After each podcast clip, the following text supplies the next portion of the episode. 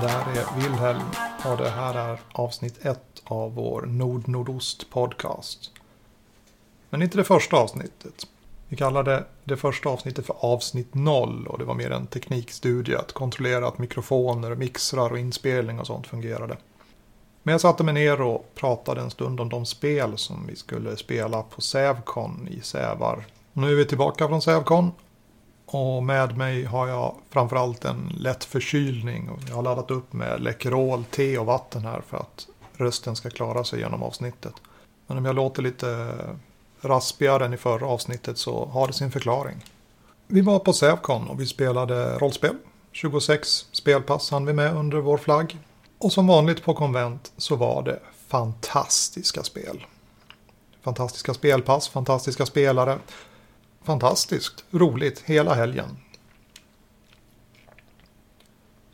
Anders har bloggat lite grann om just konventsentusiasm på vår blogg nordnordost.se.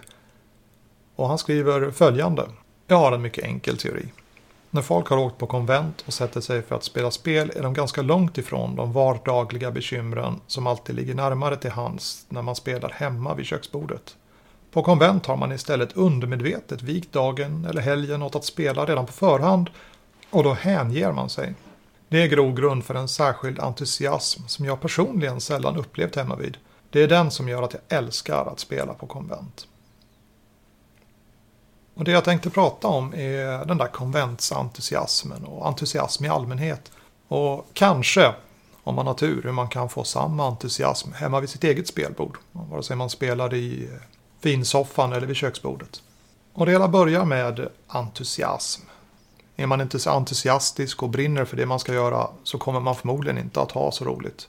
Men när man är entusiastisk och inställd på att det ska bli bra så blir det oftast bra. Och det är lättare att få den där entusiasmen på konvent när man faktiskt har lämnat vardagen bakom sig, rest en bit och samlat sig och har hela helgen av spel framför sig. Nya spel, nya spelledare, nya spelkamrater, nya omständigheter, nya upplevelser. Allt är nytt och entusiasmen sprutar verkligen omkring en.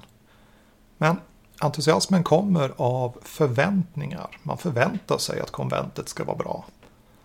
Kanske har man varit på konvent tidigare och det var bra. Då borde det här konventet också bli bra.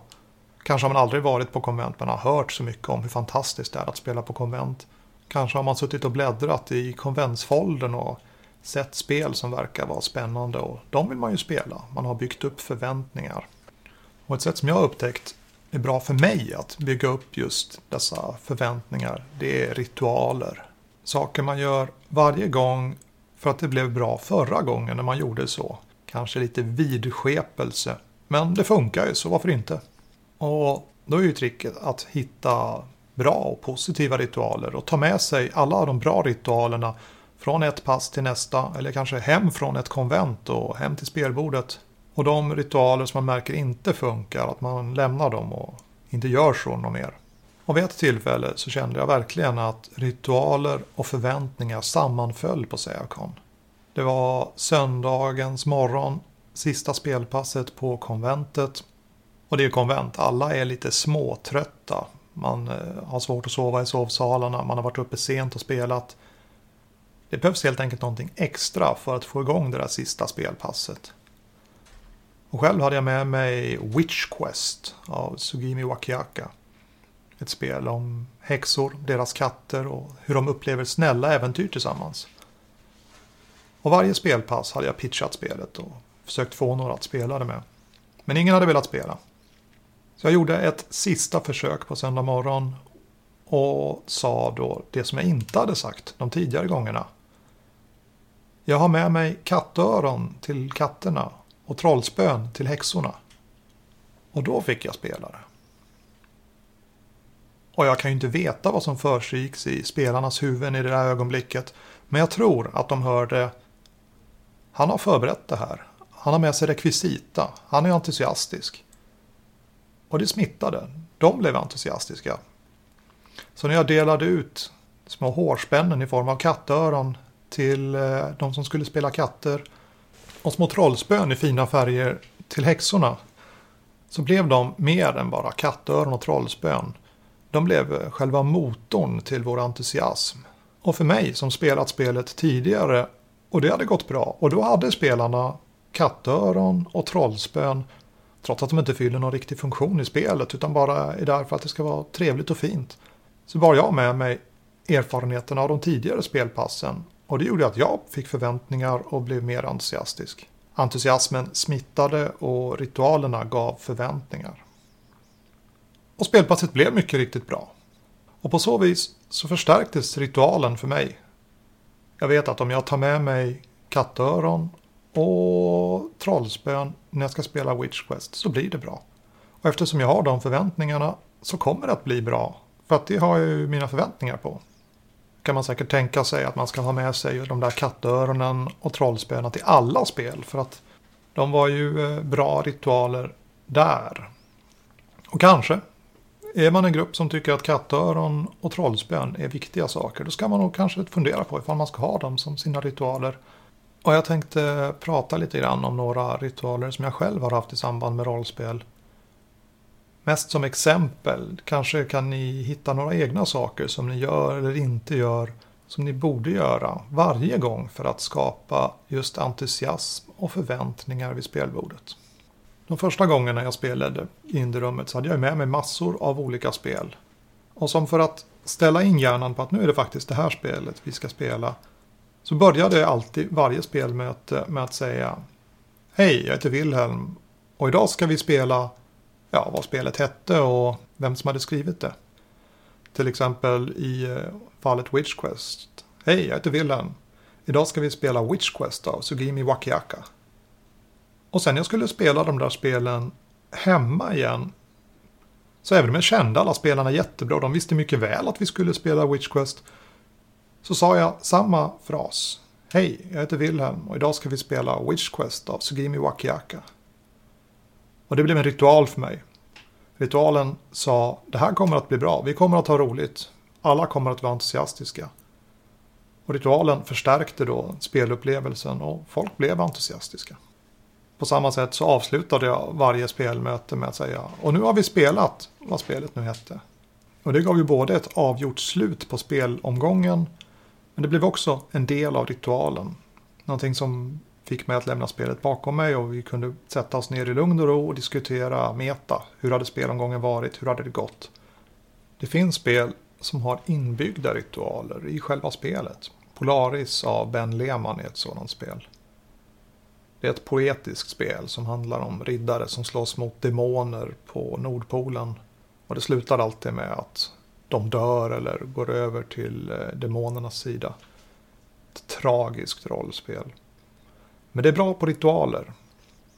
Varje spelomgång, och det här står i reglerna faktiskt, börjar med att man tänder ett ljus och säger För länge sedan gick folket vid världens ände mot sin undergång. En tydlig ritual. Ljuset fokuserar spelarna, man blir eh, samlade. Någonting ändrades i miljön vid bordet. Och samtidigt så får man en liten sammanfattning om vad det handlar om. Det är folk vid världens ände och det går mot sin undergång. Ett fantastiskt spel, det är fyllt med ritualer. Varje regelmoment är en liten ritual i sig. Men så är det också en väldigt speciell upplevelse att spela spelet. Te är en annan ritual som vi har. Både på konvent och hemmavid. När vi spelar spel så dricker vi te. Man skulle kunna dricka precis vad som helst naturligtvis men, men just teet har blivit en del av vår ritual. Alla spelmöten börjar med gemensamma stöket i köket med att välja en bra mugg, koka vatten och välja vilken tesort man ska dricka. Och dessutom blir det ju trevliga pauser under spelets gång när det måste kokas mer vatten och man måste välja nytt te. Ritualen har sträckt sig så långt att jag i detta nu sitter med en kopp av mitt favoritte. Just för att komma i samma stämning som jag har när jag spelar riktigt bra spel. Om det resulterar i riktigt bra podcast, det får väl ni lyssnare avgöra. Men jag är i alla fall i samma sinnesstämning som jag är när det blir riktigt bra spel. Det finns en entusiasm och den kommer ur ritualen att dricka det goda teet. En ritual som jag hade tidigare men jag nu har övergivit var att ha på mig min favoritskjorta när jag spelledde. Skjortan fick följa med på konvent och när jag väl hade fått en spelgrupp och börjat bänka dem för spel så gick jag och bytte om. Det blev nästan meditativt att dra på sig den där skjortan och komma. Jag tog på mig rollen som spelledare. Väldigt påtaglig ritual. Men i och med de förväntningar den förde med sig så blev spelen bättre när jag hade på mig skjortan än utan. Alla ritualer är ju inte nödvändigtvis bra. Ett tag hade vi nästan som regel en undantag att det skulle citeras av eh, Monty Pythons produktioner vid spelbordet. Fanns det möjlighet att dra någon eh, liten favorit ur Holy Grail eller Flying Circus så gjorde man det. Det var en ritual som i sig ökade gemenskapen inom gruppen och vi hade väldigt roligt. Men det var ingen bra ritual för spel. Det var eh, distraherande. Så alla ritualer är inte bra. Kanske kan du själv hitta ritualer i, i din egen spelgrupp som faktiskt försämrar spelupplevelsen snarare än förstärker den. Och då är naturligtvis den väldigt svåra frågan, hur blir man av med den ritualen och ersätter den med en ny, mer produktiv ritual? Det var vad jag hade att säga om ritualer och entusiasm just den här gången. Kommentera gärna på vår blogg och berätta om dina egna ritualer och hur du bygger entusiasm vid spelbordet. Så får jag någonting att prata om i vårt nästa avsnitt också.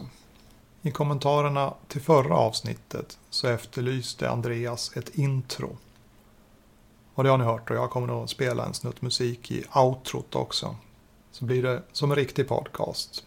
Och så kom han med förslaget att jag skulle ta min blogg vilper.wordpress.com och omsätta den i en podcast. Och jag har funderat på saker men nej, så bra är jag inte på engelska så att det går att göra en podcast på engelska. Men nästa gång jag läser ett spel ska jag ha saken i åtanke och kanske nämna det här på vår podcast. Det här var Wilhelm ifrån Nordnordost. Jag tackar för den här gången och hoppas på ett snart återseende.